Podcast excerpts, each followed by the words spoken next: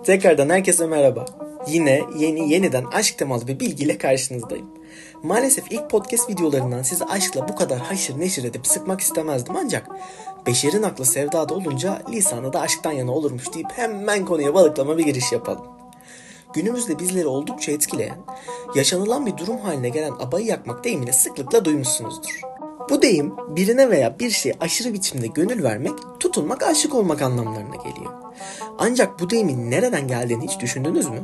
Eğer duymadıysanız veya düşünecek vaktim olmadı benim ya diyorsanız ben izninizle hemencecik anlatmaya başlayayım.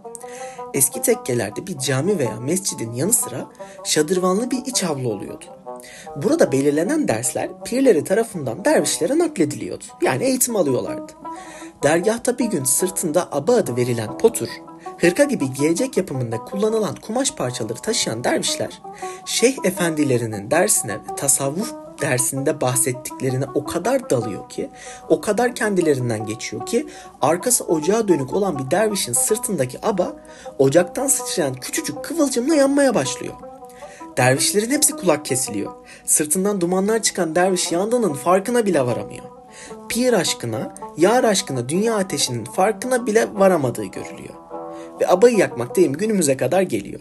Ve maalesef hala daha günümüzde birileri aba yerine kendisini yakmayı seçiyor. Beni dinlediğiniz için çok çok teşekkür ederim. Bir sonraki podcast bölümünde görüşmek üzere. Kendinize çok iyi bakın.